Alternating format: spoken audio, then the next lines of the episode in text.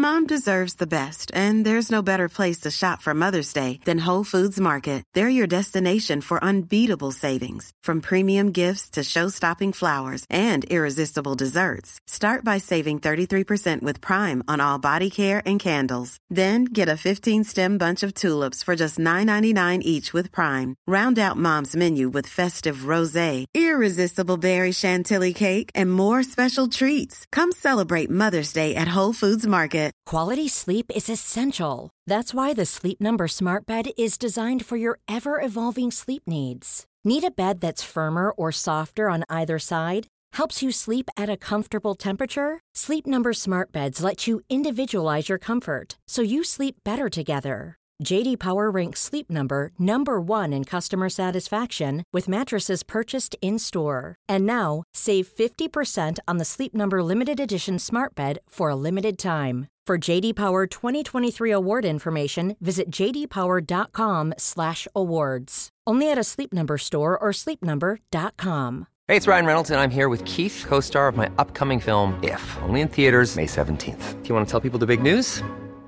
All right, I'll do it. Sign up now and you'll get unlimited for $15 a month in six months of Paramount Plus Essential Plan on us. Mintmobile.com slash switch. Upfront payment of $45 equivalent to $15 per month. Unlimited over 40 gigabytes per month. Face lower speeds. Videos at 480p. Active Mint customers by 531.24 get six months of Paramount Plus Essential Plan. Auto renews after six months. Offer ends May 31st, 2024. Separate Paramount Plus registration required. Terms and conditions apply if rated PG. Hi, I'm Daniel, founder of Pretty Litter. Did you know cats tend to hide symptoms of sickness and pain? I learned this the hard way after losing my cat, Gingy. So I created Pretty Litter, a health monitoring litter that helps detect early signs of illness by changing colors, saving you money and potentially your cat's life. Pretty Litter is veterinarian developed, and it's the easiest way to keep tabs on your fur baby's health right at home. Go to prettylitter.com and use code ACAST for 20% off your first order and a free cat toy. Terms and conditions apply. See site for details.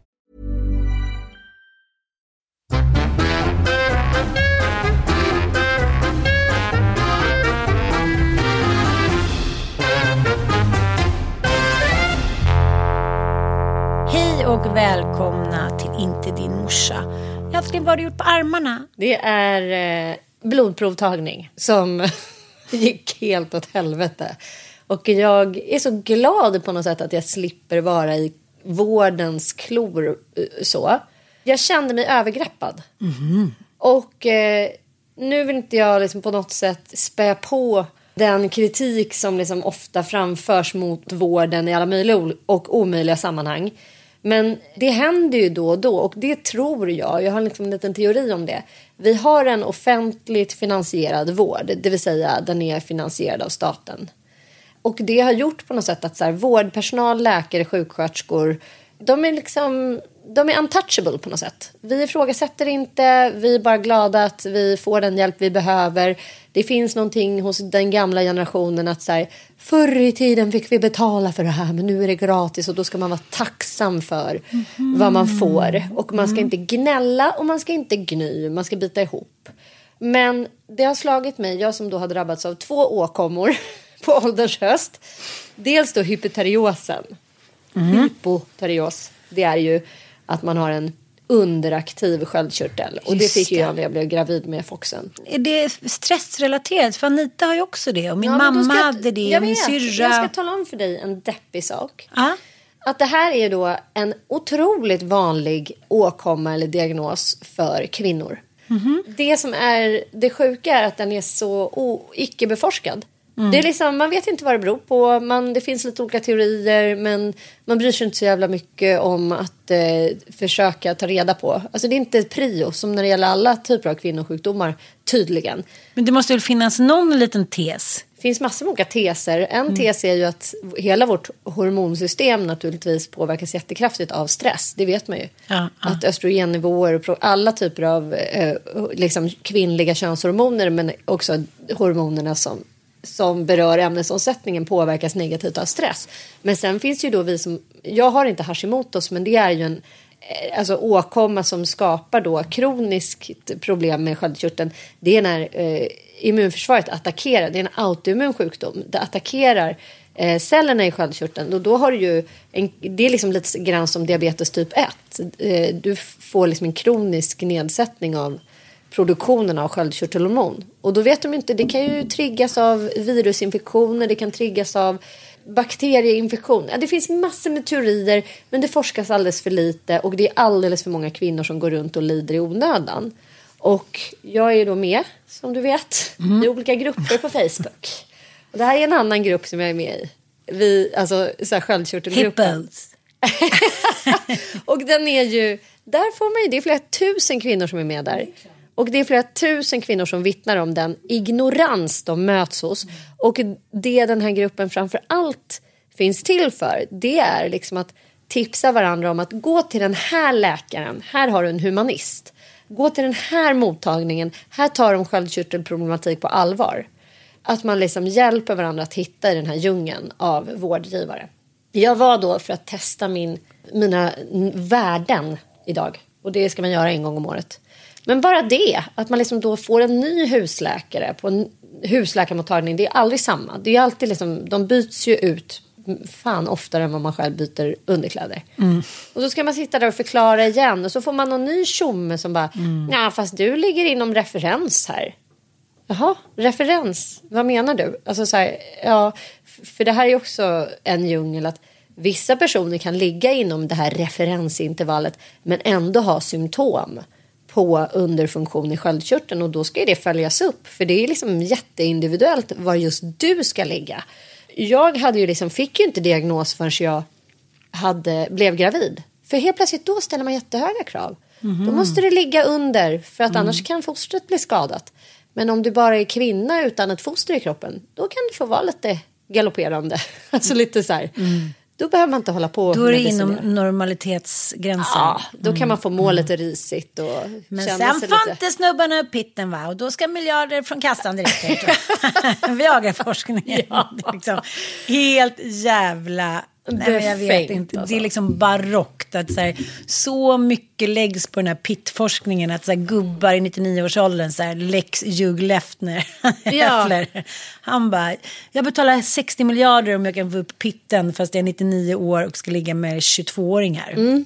Då går det bra Ja. att liksom förskriva olika typer av läkemedel. Nej men gud, ja, nej, nu, nu vill jag inte, jag måste bara fråga en sista grej. Mm. Jag har ju några kompisar som har gjort det där som vi har pratat om förut, som Micke har gjort, att man testar, ja, men testar sitt DNA, alltså Mm. en mass. Man liksom testar, eh, men man går igenom vilka sjukdomar som man liksom... Man gör en så här utökad stor hälsokontroll där man också då eh, provtas och screenar för olika typer av genetiska sjukdomar. Precis. Samt gör en skiktröntgen av hela kroppen. Och nu är jag lite så här, jaha, eh, jag är så här tvekig, ska jag göra det eftersom mamma gick bort i liksom livmoderhalscancer? Alltså det är väl mest den grejen som jag vill kolla om det berodde på något helt annat eller om det verkligen är ärftligt i vår släkt. Liksom. Så har jag lite kompisar som har gjort det där och eh, några har ju så här fått, ja men, så här vanliga, du, eh, du har liksom ärftlighet för så här Alzheimers typ. Ja, Alzheimers, någon med ADHD hit och dit, kanske inte så farligt. Men så har jag några kompisar som har fått att de har eh, ja, men, hög liksom, ärftlighet på demens. Och den är ju inte särskilt kul att få. För då kan man ju såklart så här, eh, ja, men äta, liksom, eh, men det finns ju massa tips man kan göra. Man kan alltså, lyssna på klassisk musik, inte äta så mycket liksom, eh, mjölprodukter, eh, ja, men äta någon form av stenåldersdiet och jada, jada, jada. Men, men när jag hör sånt, för om jag fick den, liksom, vad ska man säga så här, du är most likely to få liksom, någon form av cancer.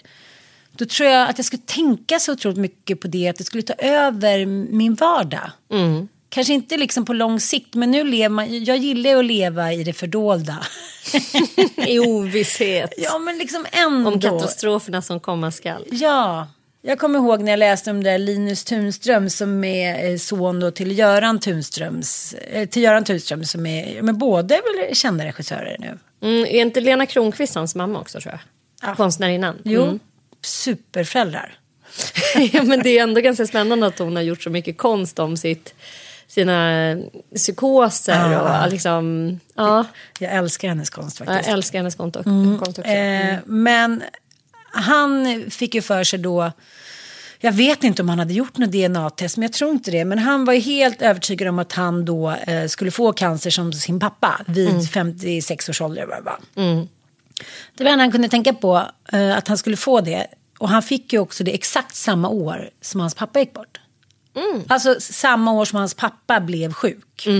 Så jag tänker så här att liksom predestinated, att man, jag tror faktiskt att man kan både tänka sig eh, sjuk och frisk. Inte så här, gud jag fick cancer, jag ska sitta här liksom i Lapplandsskogen och äta en kotte och tänka så här, hmm, nu är jag frisk. Det vill jag absolut inte rekommendera, men jag tror tankens kraft när det gäller att bli sjuk tror jag är jävligt stark alltså. Tyckte Micke att det var bra att göra den där grejen? Tyckte han att det hjälpte honom? Ja, men han hade ju så positivt utfall. Men sen ska vi, så att han var ju bara så här, kände sig som Stålmannen. Han, han hade liksom så här, lika bra benstomme som en 23-åring. Han hade liksom lite mycket kroppsfett eh, och så här, triglycerider som man skulle jobba på. Liksom, som ja, olika så här, vad heter det när man äter kolesterol och sånt. Liksom, han är ju en big time mumsare av olika typer av goder, godis och sötsaker och sånt. Men sen så var det ju ganska så jävla märkligt att han hade ju då en genetik som inte predestinerade för bipolär sjukdom. Och han hade en genetik som predestinerade för beroende. För det får man också svar på. Det här var ju via en stor liksom, aktör i Schweiz som gör verkligen så här. Och alltså, det finns ju ingen enskild gen som predestinerar för bipolär sjukdom utan det är olika kluster som man tror predestinerar för de här olika typerna av psykiatriska åkommor. Jag tror också han hade en viss förhöjd Alzheimers risk. Men det liksom ligger så långt fram och det var ingenting som var alarmerande. Och dessutom så får man ju då så här eh, direkta råd för hur man ska kunna undvika då att eh, utveckla det här placket. För man kan ju göra livsstilsförändringar. Så jag tycker nog att det där var, det var positivt för honom. Och komma liksom och ha full koll på hela sin hjärna och det finns inte en enda tumör och det finns ingenting. Nej. Men det, det- det, ja. det, alltså, jag skulle aldrig våga göra det för jag är livrädd att de att bara, "Nej, men du har ju en påbörjan av MS, sen har inte börjat känna sen. Alltså, nej men jag skulle ju skita Mm. Nej, på ja, mig, jag skulle nej. ju må så jävla dåligt. Jag kan också tänka mig för någon som Micke, han bara, men perfekt, jag är typ som en 20-åring, nu kör vi. Ja, men det har tydligen inte förstört någonting i min kropp. Mitt knasiga levande. Absolut, alltså prosen en konst med den där typen av så att säga genstudier. Men det säger också ganska mycket om att att eh, det, det, vi har ju liksom inte hundraprocentig koll. Det, allting handlar inte bara om gener. Och som Gabor Maté, vår nya mentor. Och Vi är för besatta av honom. Gud. Jag är för besatt Jag vet, jag är också för men det, det ska Lyssna man på allt, jag bara. Det Make sense. Gabor sagt. Make sense, Gabor. Ja, absolut sense. Nej, men jag tycker det är så otroligt spännande för vi vet så lite om det och vi har liksom bara tänkt att genetiken den är vad den är. Men nu har det ju visat sig att vi kan alltså förändra vårt DNA under livets gång. Så när du föds har du ett visst DNA och när du dör har du ett annat DNA. Och det torde ju vara rätt logiskt på något sätt. Att, Tycker här, jag med. med din livsstil, med miljöfaktorer, med trauman då som Gabor är så eh, besatt av, liksom vi, så kan du naturligtvis förändra hela din genbank. Och det är väl det som är det här generational trauma. Att så här, om du utsätts för ett sånt jävla trauma som till exempel då andra världskriget eller förintelsen då. Alternativt slaveriets eh, impact liksom på mänskligt DNA. Eh, det är klart att det kommer påverka ditt DNA i, i generationer framåt. Liksom. Varför är björnar rädda för människor? Ja, det är ju sjukt. Ja, och varför föds en björnunge och är det? Jo, och vargar också. För att de har ett DNA som säger till oss att vi har vapen. Och det hade inte vi för liksom, några tusen år sedan. Nej. Så det är väl ett typexempel Kanske inte några på... tusen år sedan, då hade vi kanske lite vapen älskling. Det var Ja, men det lite... kanske en, en annan stenyxa i så fall. Men det var ju inte några skjutvapen som vi kunde oskadliggöra liksom en mammut nej, med. nej, nej. Ja, men eh, för att jag lyssnade på ett av hans TED-talk och blev liksom, ja men dels där att han pratar om att eh, man kan ju se såklart att liksom eh, barns gener kan liksom ändras in i, ja men under eh, bakningen, alltså innan de föds. Just det, om mamman är olycklig eller utsatt för trauma och stress och sådär. Men sen så berättar han eh, en så spännande grej han föddes 1944, eh, mitt under brinnande krig. Hans föräldrar flydde till Budapest, liksom många andra liksom, utav judiska befolkningen för att komma undan pogromen. Och eh, han föddes och eh, hans mamma förstod inte så här, gud vad han gråter och han liksom eh, vilket, vilket gråtigt barn, han måste ju ha ont någonstans. Liksom. Mm. Och ringde läkare som sa så här, all the babies are crying right now, the Jewish babies.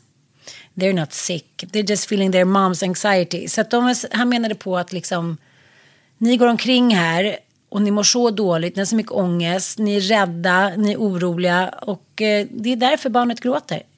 Mm. Får inte dess uppmärksamhet. Och då var han så här, ja men så då kände jag under hela min uppväxt att så här, de eh, liksom ville inte ha mig, de orkade inte med mig. Så då skulle jag liksom bli läkare, jag skulle bli bra på allting. De hade liksom fullt upp med sin med sina egna känslor och sin egen liksom, ja. Sitt eget trauma. Precis, sitt mm. eget trauma. Och sen så eh, pratade jag med en kompis som är eh, psykolog häromdagen och det har gjort så jävla mycket forskning på bebisar ju. Mm kommer inte ihåg vad hon heter, men det är en, en eh, schweizisk eh, läkare, tror jag, en kvinna som har, liksom, hon har ägnat sitt liv till att forska då på bebisar. Och då har hon filmat en massa liksom, eh, ja, men väldigt, väldigt små bebisar som sitter, liksom, ja, men som har kontakt med sin mamma, antingen i vagnen eller liksom vad det nu är. Och då eh, kommer man ju hem, så kommer man in till sin bebis och man säger hej, vad du är gullig, du är den gulligaste. Så blir det joller, joller, joller. Och, eh, och så pratar de lite, sen har de bett mammorna att de ska vända bort blicken. Mm. Liksom inte så här något speciellt, så här, shh, eller någonting, utan bara mitt under det här liksom, kontakten och eh, mm. intimiteten så, så, så, tittar de bara bort. Och då kan de ju mäta att de känner skam. Mm. Barnen, att de känner så här, vad händer nu? Vi som hade det, liksom, vi som hade det så fint, vi hade ju någonting här. Och så vände mamma bort blicken. Mm. Apropå anknytning. Mm. Trygg och otrygg anknytning som väldigt många har hört av sig om sen eh, ja, förra avsnittet. Och tack för all respons. Eh, det är många som har skrivit att vi har vågat ta bladet från munnen. Mm. Alla har inte varit lika positiva. Nej. Nej. Eh, tyvärr inte. Nej. Men det här visste vi det här är också ja. så här, vet att det här är en, det är en sån avvägning känner jag som verkligen har varit inne i det jag brukar kalla för åsiktsträsket. För att när jag började liksom skriva krönikor och blogga och sådär, jag hade så mycket åsikter och tyckte så mycket och så här. Men det leder till en sån massiv så här, motrörelse och att du får så jävla mycket mothugg hela tiden och att du hela tiden också så här du blir skammad när du har åsikter. Och det har ju gjort att jag till slut bara, jag orkar inte det. Mm, jag gör mm. inte det.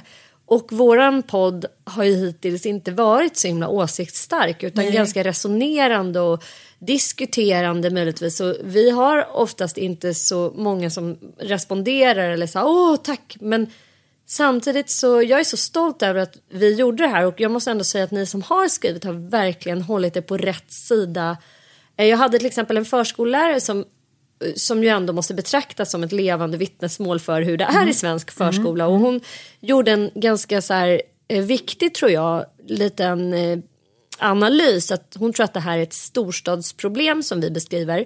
Hon bor på landsbygden och är förskollärare i en jätteliten håla.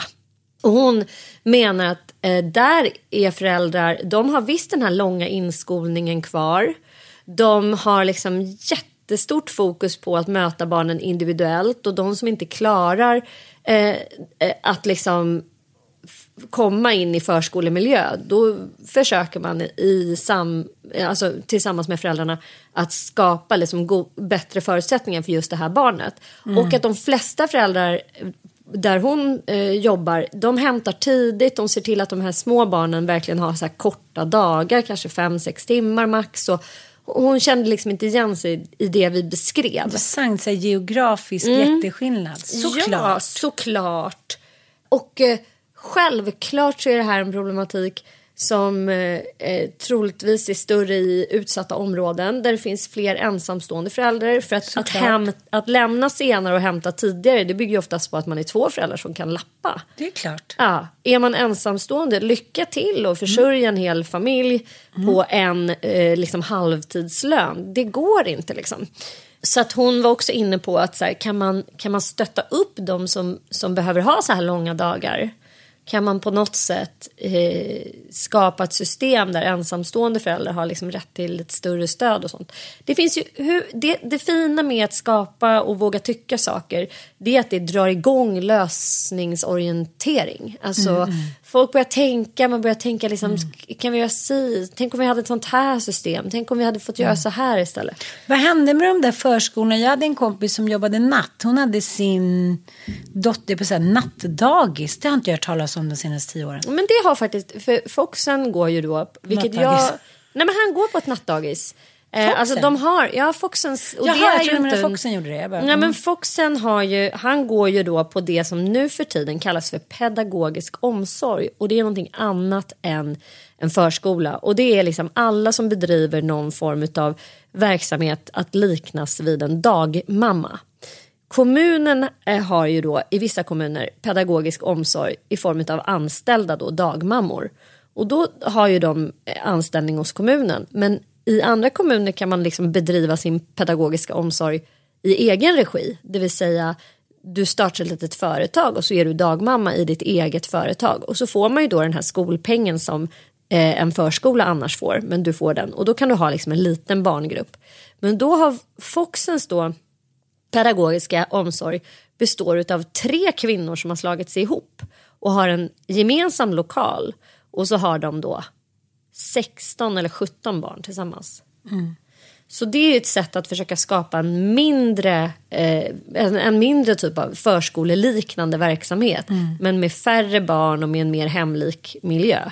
Och det är samma tre pedagoger. Men de erbjuder också då nattis eller liksom obekväma arbetstider och det är ett sätt för dem att göra sig attraktiva antar jag. Det är väl liksom någon form av, ja, Men jag, jag tycker att det debatteras så jävla lite om ensam, då menar jag helt ensamstående mammor. Som, är så här, som alltid har sina barn. Alltså det är ju så tungt.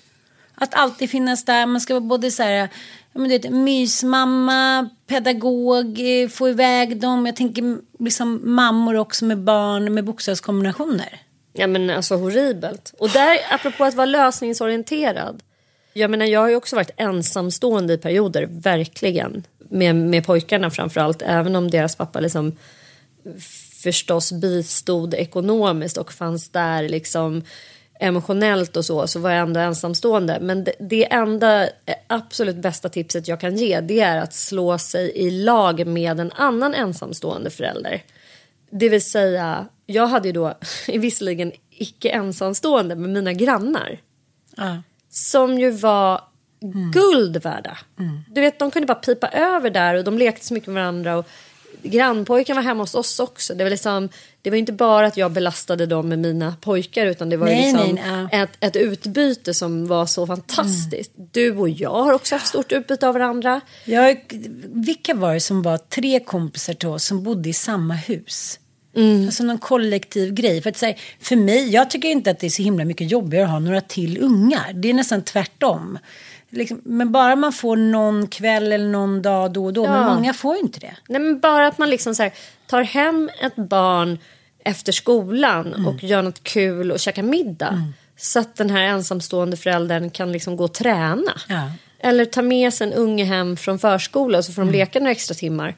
Så att man kan liksom jobba i kapp på jobbet. Solidaritet. Jag, Ja. eh, men apropå att vi pratade om USA också, kommer du ihåg det? Att du var så himla så nej men alla är hemmafruar där. Jag bara, nej men det, det är de ju inte liksom. Utan Nej. det är vissa som, må, väldigt många i ja, socialgrupp 2 och 3, de, de kan ju bara vara hemma de här tre veckorna. Och då skickade Patricia, Patricia Mulligan, hon brukar skicka lite då och då.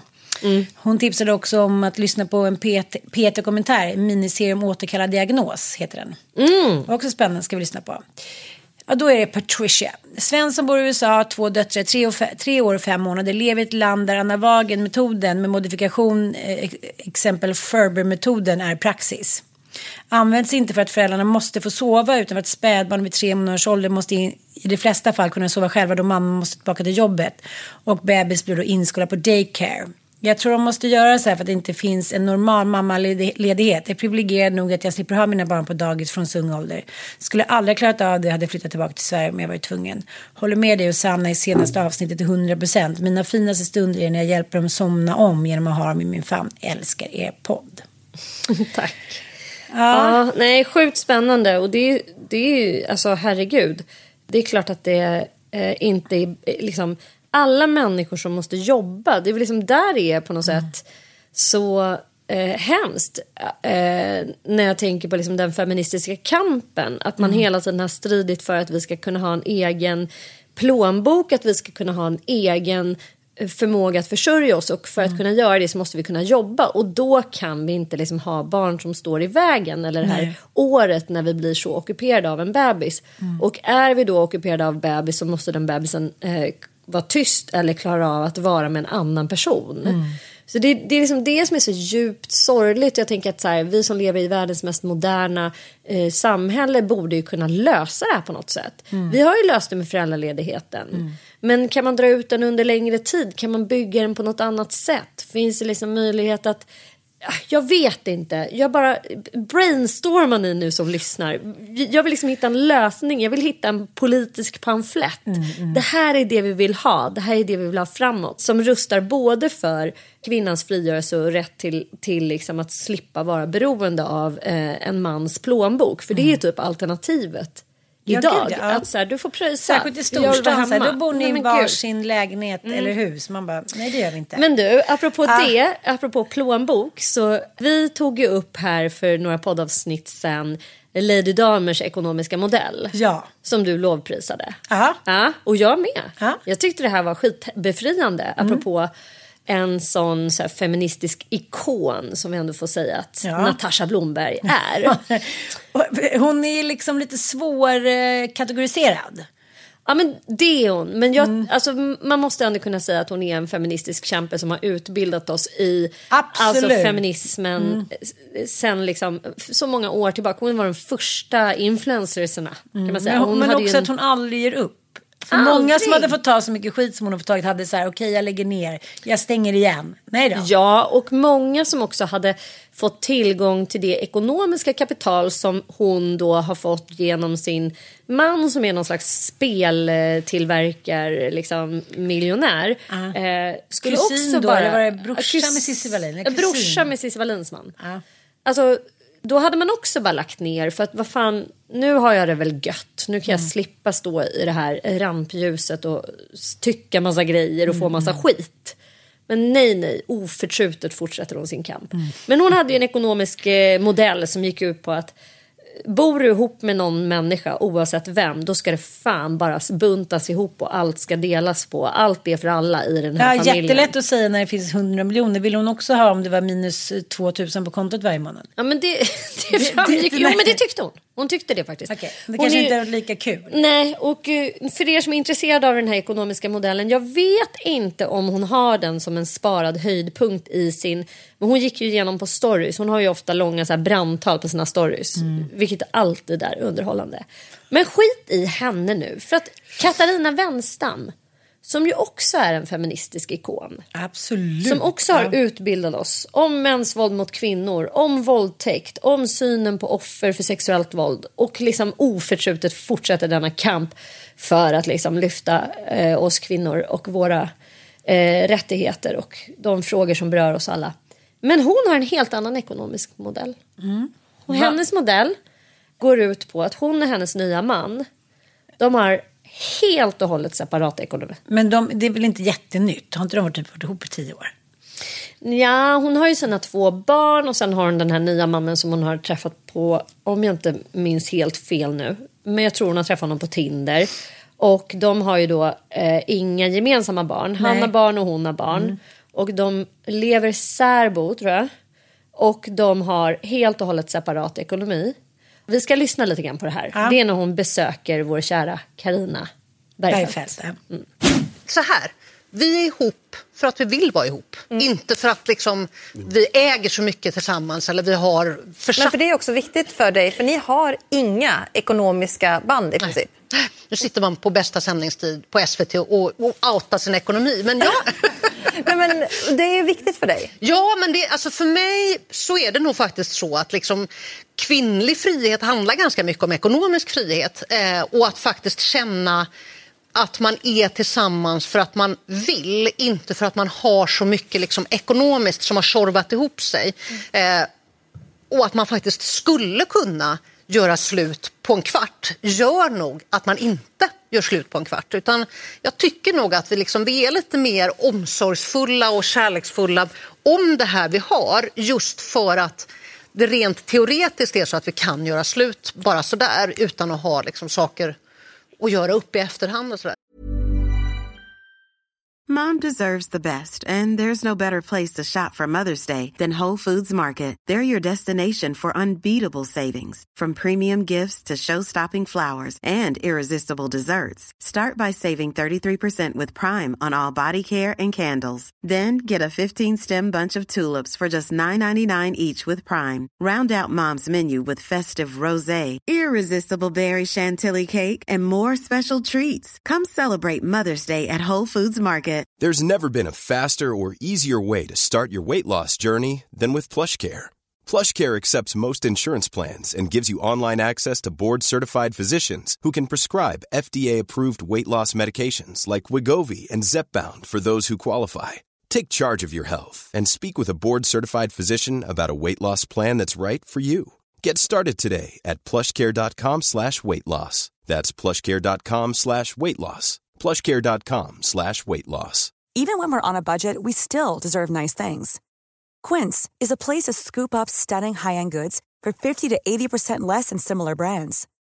They have buttery soft cashmere sweaters starting at $50, luxurious Italian leather bags, and so much more. Plus, Quince only works with factories that use safe, ethical, and responsible manufacturing. Get the high-end goods you'll love without the high price tag with Quince. Go to quince.com slash style for free shipping and 365-day returns.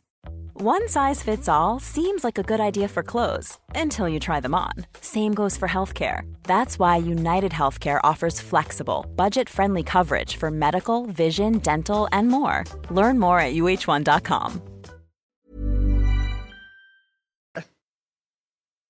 Hon menar ju då att de inte har bestämt sig för att de inte vill att ekonomiska behov eller ekonomisk, eh, alltså ekonomiskt beroende ska eh, sätta liksom käppar i hjulen för deras romantiska relation. Att de ska vakna upp varje dag och känna jag vill vara med honom. Det ska inte handla om att jag vill bo kvar i det här huset eller jag vill, bo, liksom, jag vill kunna behålla den här ekonomiska statusen som jag har i vår liksom, relation. Och jag kände bara, fuck, hon har rätt. Hon har lika rätt som Lady Damer. Fast de har tre helt olika modeller. Verkligen. Så kände jag liksom starkt att så här, för jag har nog ändå försökt skapa i mitt liv under mina och Mickes första 15 år, eller våra första 13 år, eh, Katarina Wenstam-modellen. Vi levde särbos, jag hade mina pengar, han hade sina pengar, han har jättemycket mer pengar än mig. Men jag har ingen lust att känna att han bär mig ekonomiskt. Jag vill kunna känna att jag är kvar hos honom av helt andra skäl. Och det, Det går inte att bli av med honom. det går inte att med. Men liksom, det, jag tror att det har varit viktigt för mig därför att jag har medberoendet i mig. För att jag har, alltså, jag har svårt generellt med separationer. Jag har jättesvårt med övergivenhetskänslan. Jag har svårt med liksom, att veta var mina gränser går och allt det där. Så det har varit så himla viktigt som en del i tillfrisknandet att känna att så här, vi ska inte blanda, vi ska inte gegga ihop mer. Vi ska inte bli en och samma. Vi ska inte inbilla oss att vi är samma person och att vi behöver varandra mer än vad vi faktiskt behöver varandra. Men nu har vi det inte alls så. Nej. Jag känner mig helt och hållet trygg med det. Det är så knäppt och jag tycker det är så jävla härligt Ann, att, bli, att, få, att vi människor får leva så här långa liv. För att vi tror så mycket att sån här är jag. Jag är på det här viset. Och sen bara kan man helt ompröva det. Nej, jag är sån här nu. Nu lever jag som en traditionell... alltså, så här. Och jag sa det också, vi har haft problem med vår värmepanna här. Och Micke sa så här, jag bara kände nästan att jag ville kräkas samtidigt som jag bara garvade så mycket. Han bara, nej då gick jag där nere och skruva skruvade på den här pannan och vi har haft dit någon jävla reparatör och det har varit så här felsökning deluxe. Alltså vi har gått runt som barnet på Frostmofjället hemma. Alltså fru, det har varit så här 15 grader hemma hos oss. Och så, det är han som fixar det där. Och så har han liksom gått och harmat och irriterat sig över att jag inte är med i den här processen. Men så kom han upp och så sa han så här. Ja, och så ser jag, går jag in i tvättstugan så ser jag alla de här vikta kläderna och så kommer jag upp och så luktar det pannbiff här uppe och då har du lagat mat och då tycker jag ändå att liksom det är rätt rimligt att jag gör det här med pannan. Jag bara, vad fan du har har vi verkligen gått människor? i husmorsdom. Alltså. Du Ja. har verkligen det. Nej, men när lagade han mat sist? 1833? Nej men han, ja det var sjukt länge sedan. Ja, det var det. Ja, det var liksom, han gör ju inte det. Men Nej. han städar, det ska han ha. Ja, han städar. Han städar och eh, beställer olika typer utav fönsterputs och ser till att det skiner om saker där hemma. Att det Nej, inte gör går någon nöd på utseendet. på utseendet. utsidan. Nej. Men jag har liksom gått helt åt andra hållet och eh, Ja, det har du verkligen. Ja, Ja. jag har liksom åldrats Ja. baklänges. Men liksom till ditt försvar måste jag ändå säga så här. Det är inte så att du inte har legat i. Ja, men jag som har sett dig i alla fall under vad blir närmare 11 år nu. Mm. Du har ju liksom inte varit särskilt bra på att be om hjälp. Nej. Alltså så här, det har varit okej jag löser det här liksom in i kaklet och lite panikångestattacker och pengar och hit och dit. Vad fan, om du nu vill laga mat eller vika lite tvätt, gör det då. Ha jag det lite menar göttigt det. bara. Och jag tänker att så här, i just den här relationen som har pågått i 17 år. Då Är det vi 17 vet, år nu, ja, alltså? 17 år. Ja, men då borde vi, då har vi väl tagit reda på eh, Mm. liksom hur, hur våra maktstrukturer ser ut och vem av oss som då skulle eventuellt utnyttja den ena eller den andra. Och, Mm. Jag menar, herregud, jag, vi samäger ett hus tillsammans och har gemensam ekonomi. Men det gör inte att jag känner mig jag vaknar upp och känner mig beroende. Nej, att nej. jag inte har liksom ett fuck off. Eh, Om han är dum, då lurar vem? Då lurar vem bara. Ja, då lurar man. det är snarare åt det hållet. Så jag roligt. resonerar. Ja, men det är ändå så roligt. Du ihåg när vi pratade med honom? Han bara, nej, jag vill inte höra era snurrerigrejer med era teorier och det. Ni lurar mig med, med, ba- bakom hölasset typ så här. Jag snackar inte mer, jag snackar inte mer. jag tror att det handlar också om att man kommer in liksom en viss erfarenhet. Det behöver kanske inte ha så himla mycket med ålder att göra när man känner så här, du kommer inte åt mig. Det spelar ingen roll. Nej. Det är, så här, det är Du bara liksom, allting är bara skådespel. Jag tänkte på det eh, när jag såg Så enkel är kärleken, även om den kanske inte slutar superlyckligt. Så är det bara så här, gud att man liksom ska gå in och ta allting så personligt. Jag läser någon serie om stress nu. Hon, den ter- stressterapeuten, säger så här. Hon beskrev det då, man lever tillsammans med någon som mår dåligt eller är stressad. Så här, det som kommer ur hens mun är ju liksom inte det som menas. Utan det blir en form av Tourettes för att man känner sig under liksom. Eh, men man känner sig inte värdig, man känner sig liksom dålig, man tycker inte att man räcker till och då vill man på något sätt projicera det. Va? Du ska inte tro att du är så bra. Det handlar ju liksom inte om att hen kanske tycker de här grejerna utan hen är sjuk liksom. Det var som hon beskriver så här, om, om en människa typ som hade cancer skulle vräka ur sig både det ena och det andra. Då skulle de flesta inte ta åt sig så himla mycket. För då skulle man liksom förklara det med så här, men det är ångest, hen är sjuk, hen mår dåligt. Hon har dödsångest. Mm. Precis. Det bara liksom öppnade upp mig lite. Så här, ja men liksom, varför ska man ta allting så jävla personligt? Men jag det tror att det är hela förutsätt- världens moderna, liksom, eller alltid har varit mänsklighetens problem. Ja, men ta duellerna i Paris på 1600 och 1700-talet. Man bara, du tittade på min fru, meurtreur, vi ses i gryningen. Det var liksom tusentals människor som dog på det här makabra sättet. Titta, du, du sa att jag var ful, min mustasch var prålig. Vi ses. Ses i gryningen med Montmartre. Man bara, men liksom, vad är det? Det är så. Det är så jävla fåfängt. Jag, liksom håller på att läsa en bok om det där nu. Det är liksom så, det är så befängt. Det är såna, liksom, det är små detaljer och lite liksom punch under västen. Det är att människor så här, jag kan känna själv att det har ställt till mycket. Att man säger, okej, då sa du det till mig och då kände jag så. Och tänker att jag pratar med dig. Men jag, jag tror till syvende och sist handlar det också om att så här, vi har svårt att eh, definiera och se vad som är sjukt och vad som är friskt. För jag håller helt med dig att så här, vi skulle ha fullkomligt överseende med en person som har en fysisk somatisk sjukdom. Alltså det vet jag ju, jag jobbar i hemtjänsten i så många år och liksom nej men hon har kroniska smärtor så hon kan vara jättelabil. Ja, så, såklart. Ja, det har, alltså så här, man, är jätte, man har låg toleransnivå, man har liksom ett humör som pendlar, man kan vara liksom histrionisk och elak. Liksom. Ja, men det, hon har kroniska smärt, cancersmärtor. Det är bara så här, det står i den journal som man får ta del av som personal. Och då har man överseende med det och det är ingen som går hem från jobbet och känner att de blev övergreppade av den här vidriga människan. Nej. Utan eh, ja, det, är liksom, det var en tuff dag. Hon, må, hon mådde pissdåligt här. Eh, Och liksom, det var ju jobbigt. Men när det gäller personer som har olika typer av psykiatriska diagnoser och även beroendesjukdom så har vi så jävla svårt att se vad som är friskt och vad som är sjukt. Det är det som är så lurigt. Det är ju lurigt. Det är ju lurigt. Är, Ja. Man tror att men det här ska väl vara glasklart men det är svårt även för dig och mig som har Mm. liksom gjort dokumentärer om det här och som har läst och vi pluggat till anhörigterapeuter. Jag har fortfarande svårt att urskilja. Mm. Är det där ett friskt beteende eller är det ett sjukt? Men spelar hen för att få lite så här. Ja, är det där ett goj-goj. Mm. manipulativt, är det en manipulativ konflikt som dras igång här för att kunna skapa drama för att sen kunna du Mm. eh, gå ut och liksom självtrösta med spel eller Mm. droger? Eh, är det här liksom utbrottet, är det eh, en del av en abstinens, alltså en förhöjd Mm. ångestnivå där man har liksom låg impulskontroll?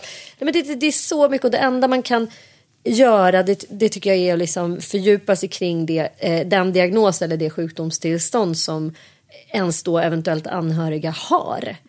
Och sen generellt, människor som är under hög stress har ju lägre impulskontroll och blir så... Alltså jag, jag tänkte på det också så här häromdagen. Jag har sovit dåligt några nätter förra veckan. Ja, men du vet, jag jobbar Karlavagnen sent. Jag har sovit dåligt i tre nätter. Ja. Helt dum i huvudet i fyra dagar efter det. Alltså, helt plötsligt kommer jag inte ihåg saker. Så här, jag kokade två dagar i rad, satte jag på ägg och bara glömde bort att jag hade satt på dem. Så att det typ nästan började brinna i en kastrull med två ägg. Och det har inte jag gjort på så här tio Nej. år. Och jag bara, ja just ja, de basala behoven. Så här, sömn, Sömnrubbning tre, tre nätter. Och Tre sen, nätter. Var, och sen var det liksom kört. Jag vet. Och det, då känner jag så här, hur skör den här balansen och harmonin som jag faktiskt upplever att jag har så här, till 90 procent i mitt liv just nu. Sen några år tillbaka. Hur skör den är. Det räcker med att få liksom sömnen lite omskakad.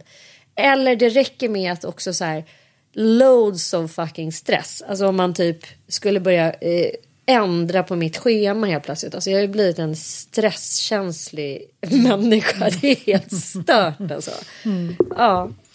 Nej, men jag, jag, jag finner mycket nöje i att läsa det. Jag kanske ska tipsa om det, för eh, nu sitter jag och snålar tycker jag. Nej, men du måste dela med dig när du läser intressanta grejer. Det är ju liksom lite därför vi har den här podden Jag ska inte också. snåla på det sättet. Det ska jag inte. Jag inte. Eh, jag har läst den på kurera.se. Mm. Men tipsen kommer från Karin Isberg som är stressexpert och författare till boken 15 sätt att bli fri från stress. Mm. Och då är det liksom utdrag ur hennes bok och jag är helt blown away. Och liksom, det här är bra för min ADHD-hjärna att det är, så här, det är lite kortare så jag kan läsa i små partier. Uh, det är så mycket som beror på stress ju. Men om hon pratar dels om det där så här, ja men du vet, ta det inte så personligt, så här, välj glädje. Men det är liksom 15 kapitel. Jag tycker så här, det jag har läst är så himla bra. Men så, så handlade det om eh, det här, ta ansvar för ditt liv. Heter ett kapitel. Och vi har ju pratat mycket i den här podden om kris, att man liksom faller för omständigheter som man inte kan rå på. Ja, men man kanske blir av med jobbet, någon dör, någon är otrogen, man blir sjuk. Så det, liksom, det sker ju varje dag, hela, hela tiden. Ja, men, saker som man inte kan rå för. Liksom. Det är såklart eh, att man känner sig eh, maktlös eh, inför sådana situationer. Man känner sig liksom... Man kan känna så här, varför just jag? Ja, men det känns orättvist. Så, så tror jag de flesta känner liksom. Men sen är det ju många som eh, stannar kvar då i den offerrollen. Istället för att säga, okej nu var det så här.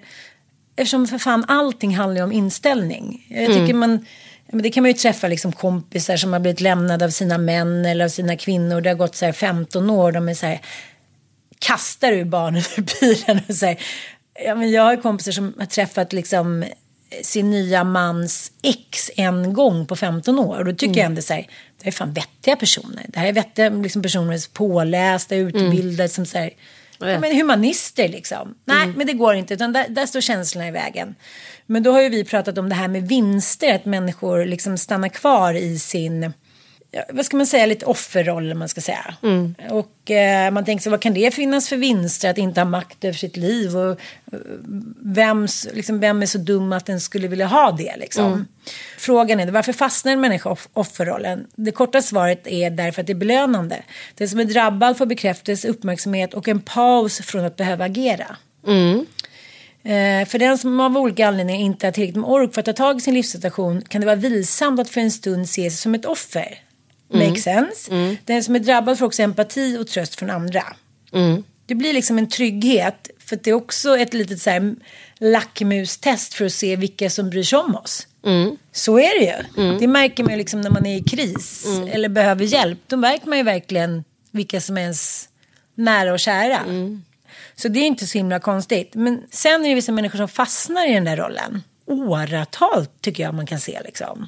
Ja, men det är väl också ett jättetydligt eh, tecken på medberoende. Alltså det är en jättestor del av hela medberoendeproblematiken att gå runt och ha offermentaliteten. Alltså att du, du slipper ju också att ta ansvar över sitt liv och att ta eh, faktiska beslut över vilken riktning ens liv ska ta. Det kan ju vara extremt ångestframkallande av andra skäl också. Att du till exempel som barn har fått ta alldeles för stora beslut för den ålder som du själv är i. Det vill säga du kan inte överblicka konsekvenserna, du kan inte se, du blir som livrädd. Du har fått ta alldeles för stort ansvar för tidigt. Och då blir all typ av beslutsfattande jättetriggande och skapar stor ångest. För att säga shit nu måste jag bestämma mig någonting som jag egentligen inte är kapabel till. Det tycker jag verkligen att jag kan se eh, hos personer som har vuxen barnproblematik. Att man bara inte pallar en enda jävla liksom, ansvarsuppgift. Eh, uppgift. För att liksom, nej, jag, jag har fått göra det här alldeles för mycket utan att vara mogen och kapabel till det. Och det har ofta också kanske gått åt helvete. Har för fattat- att man inte var mogen Nej, och att kapabel. Okej, eh, vänster eller höger, vi går vänster. Men Mm. då tycker jag... Ja, men som, vi, som jag sa, då, att det, liksom blir någon form av tröst och avlastning. Men sen så leder den ju bara till stress och maktlöshet. Ja. För om man fastnar där så har man ju tappat makten kring sitt liv. Liksom. Och då blir ju det den här känslan, jag klarar inte det här, alla andra bestämmer över mig. Och det blir en så otrolig stress när man känner sig, vad fan är jag inte kapabel att ta hand om mig själv? Och då blir ju, det är ofta det som leder till depression också. Ja, det är den här... Ja, gud ja. Alltså det är ju... Depression, hela ordet eh, eh, vittnar ju om det. Att det är någonting som är liksom förtryckt eller undertryckt. Att du liksom har fastnat i, i eh, någon typ av lösning som du inte är kapabel att utföra utan du liksom bara fastnar. Och eh, mm, det, är, det är sjukt spännande det här med maktlöshet för att precis som det är viktigt att liksom erkänna sig maktlös inför andra människors problem så är det ju liksom superviktigt att återta då som sagt ansvaret över sitt eget liv, sina egna beslut och sina egna val. Jag tycker mig också märka det att det är många som inte vill det. Det, det är så här, nej jag, jag vill fan att någon ska ta hand om mig. Jag, alltså, så där har jag känt länge under mina första år när jag gick i medberoendeterapi med Lasse. Då hade jag liksom en sån där liten dröm om, jag, om att jag bara ville ha liksom en förälder som skulle göra det här åt mig. Och jag liksom hade någon liten jävla ilska över att så här, fuck, ska jag bestämma igen? Vadå, jag ska ta ansvar igen? Jag har redan gjort det. Jag har redan hållit på med det hela mitt liv. Jag vill att någon annan jävel ska göra det nu. så typ så här, förstår Ja, du men jag jag tänker att menar? det är sånt jävla prestationssamhälle. Vet du hur många som är utbrända i Europa just nu? Mm, nej, det är typ 40 procent av alla kvinnor säkert. 12 miljoner människor. Ja. Problemet är ju att alla, alla människor som är utbrända, det är ju inte de som skriker högst. Det är Nej. inte de som säger okej, nu jävlar gör vi en revolution. Och det är det som jag ofta liksom verkligen tycker att det blir liksom så jävla orättvist. Att oftast när man är utsatt för svår press eller ekonomiska problem eller liksom relationsproblem. Det är också då som man måste vara som starkast och agera som liksom, ja, men, sund vuxen och typ klara ekonomi och flyttar hit och dit. Fast det är egentligen en omänsklig uppgift liksom. Mm. Är du med mig? Och eh, då säger hon, Karin Isberg också, väldigt intressant apropå det att man ska liksom välja sina strider, ta saker och ting personligt. Hon säger om någon står och skriker på dig på jobbet är så jävla otrevlig. Eh, och du reagerar så här och du blir så sårad och sen så säger den dagen efter mitt barn dog igår. Liksom, då lägger man ju ner vapnen och det tror jag är det som är problemet med kommunikationen att man man tar det bara åt sig. Tänker, Varför ska den där människan liksom bara kasta skit på mig? Jag har inte gjort någonting. Men 99 gånger av 100 så är det ju inte en douchebag. Det beror ju på någonting. Och då, det är det jag menar också hela den här eh, grejen med Margot Dietz. Hur kan ni försvara henne och den jäveln och liksom hon är inte ett barn och så här hit och ditan. Jag tänker också den situationen som, som är nu med krig och det har varit liksom ja, men corona och fan hans moster. Det är så här, ur alla svåra epidemier och krig och så, här, så, så kommer ju någon ny liksom, expression. Ta dadaismen, ta allt det där liksom konstiga. Ta till exempel Salvador Dalis smältande klockor och allting så här. Åh, oh, vad surrealistiskt. Människan blir ju surrealistisk av kris. Mm. Man gör ju konstiga grejer. Man blir utsatt. Man vet liksom inte hur man ska hantera situationen. Och då kanske man går lite bananas liksom. Och då menar jag att, att alla är så dömande istället för att, okej, vad beror det på då? De flesta människor blir ju inte bara liksom, du vet, omänskliga arslen bara över en natt. Det är liksom någonting som sker successivt av olika anledningar som man själv säkert kan fantisera om vad det skulle kunna vara. Intressant bara. Jävligt intressant. Men det är också så här, jag är dubbelt inställd till det. För jag fattar ju hela metoden att liksom så här, vända andra kinden till, eh, sade Jesus. Och eh, kort beskrivet kan det ju gå ut på att så här, men då går man bara därifrån. Man tänker det här är en person som är drabbad av någonting. Antingen är han eller hon sjuk, fysiskt eller psykiskt. Och liksom är därför i någon typ av situation där han eller hon inte kan tygla sitt humör och bete sig gulligt och trevligt och anständigt. Men, Och att ja. inte ta åt sig. Men det är liksom att leva i kring en sån person. Och inte ha eh, en överenskommen uppfattning om vad det här beror på. Det är, det, det är där det liksom blir traumatiserande och farligt. Att liksom, eh, man får inte använda den metoden för att eh, försvara eh, psykisk misshandel. Ja men han är sån där bara och pappa är så där lite knasig typ för han är så stressad nu eller mår så dåligt att man liksom ursäktar skitbeteenden inom familjärt för att någon då eventuellt är sjuk. För då tangerar ju det istället medberoende. Ja, ja. Att det, det, är, man- det är svår gräns tycker det är jag. en skitsvår jag gräns. Det är tänk- klart att det är lättare om man jobbar, kliver in och jobbar i tre timmar liksom på ett äldreboende och får en fet utskällning av någon som har liksom kroniska smärtor. Men sen att leva med den personen och att hela tiden vara liksom hårt ansatt av det. Men det kräver eh, en helt annan strategi. Det, där är det inte vända andra kinden till utan där måste du liksom verkligen sätta gränser för att inte bli så påverkad så att du själv går in i någon typ av maktlöshet och depression skulle jag säga och medberoende. Jävligt vanligt. Men, men jag tänker också när jag ibland lyssnat på angående Jesus att han var så här. Okej, vad var skillnaden på Jesus? Han var ju så här. Men du vet, han kunde ju ha fått så mycket makt. Men han valde att säga att så här, du får hitta liksom Gud inom dig. Du vet. Eh, om man tänker, det här var också Gabor. Han, han sa det så spännande. Han bara, ta alla de här despoterna. Ta liksom Hitler. Ta liksom Napoleon. De kommer utom, är så här, de, de hör egentligen inte till samhället. De är väldigt korta. Gjorde han den slutsatsen? Ja, att liksom korta människor som då inte egentligen hör till land eller till community. Eller liksom, ja, men de kommer och måste göra sig en persona. Liksom. Mm. Till och med när Napoleon satt då, eh, han var ju, eh, menar, han blev ju skickad då till eh, S- Sankt Bartolomeus va? Han fick sitta där någon form av eh, krigsare. Ja, och ändå så liksom, det enda han sa så här, "Ah, jag vill tillbaka till makten liksom. så jävla maktkåt. eh, och det, jag tänker att det är ju en form av makt att synas och höras och liksom få följare och tittare. Och eh, det där går ju såklart upp och ner beroende på allt vad man har. Har man ett barn, har man liksom en kille, är man snygg och smal, är man med i en tv-serie, har man sagt någonting. Alltså allting eh, handlar ju om att synas liksom. Och, mm. och det ger ju makt. Så jag tänker så här att det kanske också är liksom lite förödande att ha den makten för tidigt. Liksom. Såklart. Mm.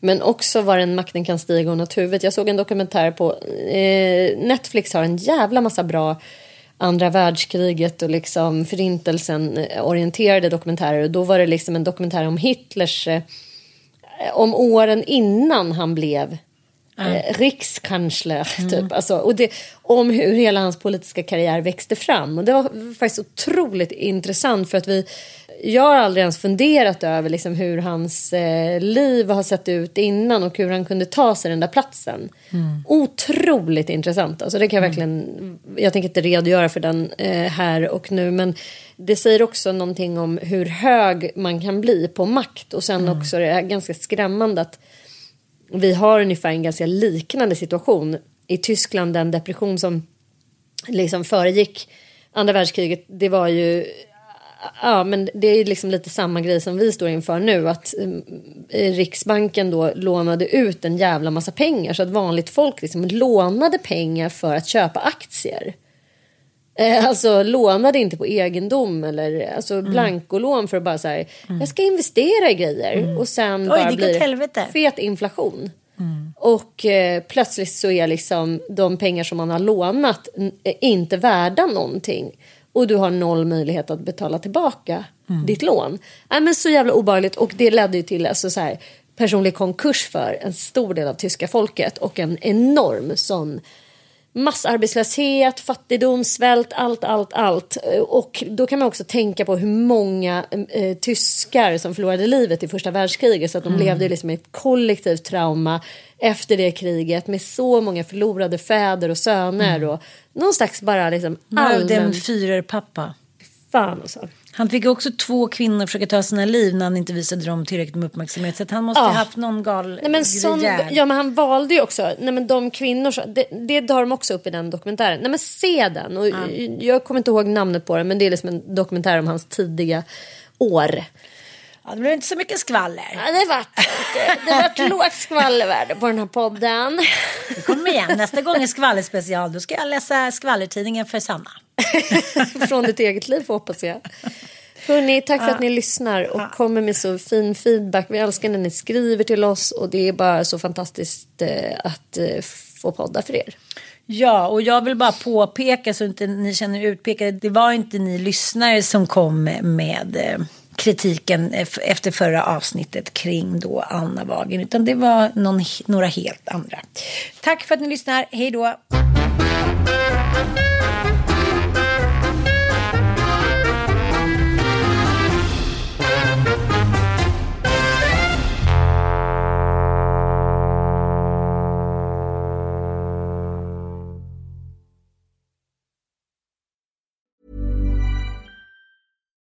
It's Paige DeSorbo from Giggly Squad. High quality fashion without the price tag. Say hello to Quince. I'm snagging high-end essentials like cozy cashmere sweaters, sleek leather jackets, fine jewelry, and so much more. With Quince being 50 to 80% less than similar brands. And they partner with factories that prioritize safe, ethical, and responsible manufacturing. I love that. Luxury quality within reach. Go to quince.com slash style to get free shipping and 365 day returns on your next order. Quince.com slash style. Hi, I'm Daniel, founder of Pretty Litter. Did you know cats tend to hide symptoms of sickness and pain? I learned this the hard way after losing my cat, Gingy. So I created Pretty Litter, a health monitoring litter that helps detect early signs of illness by changing colors, saving you money and potentially your cat's life. Pretty Litter is veterinarian developed, and it's the easiest way to keep tabs on your fur baby's health right at home. Go to prettylitter.com and use code ACAST for 20% off your first order and a free cat toy. Terms and conditions apply. See site for details. Even when we're on a budget, we still deserve nice things. Quince is a place to scoop up stunning high end goods for 50 to 80% less than similar brands. They have buttery soft cashmere sweaters starting at $50, luxurious Italian leather bags, and so much more. Plus, Quince only works with factories that use safe, ethical, and responsible manufacturing. Get the high-end goods you'll love without the high price tag with Quince. Go to quince.com/style for free shipping and 365-day returns.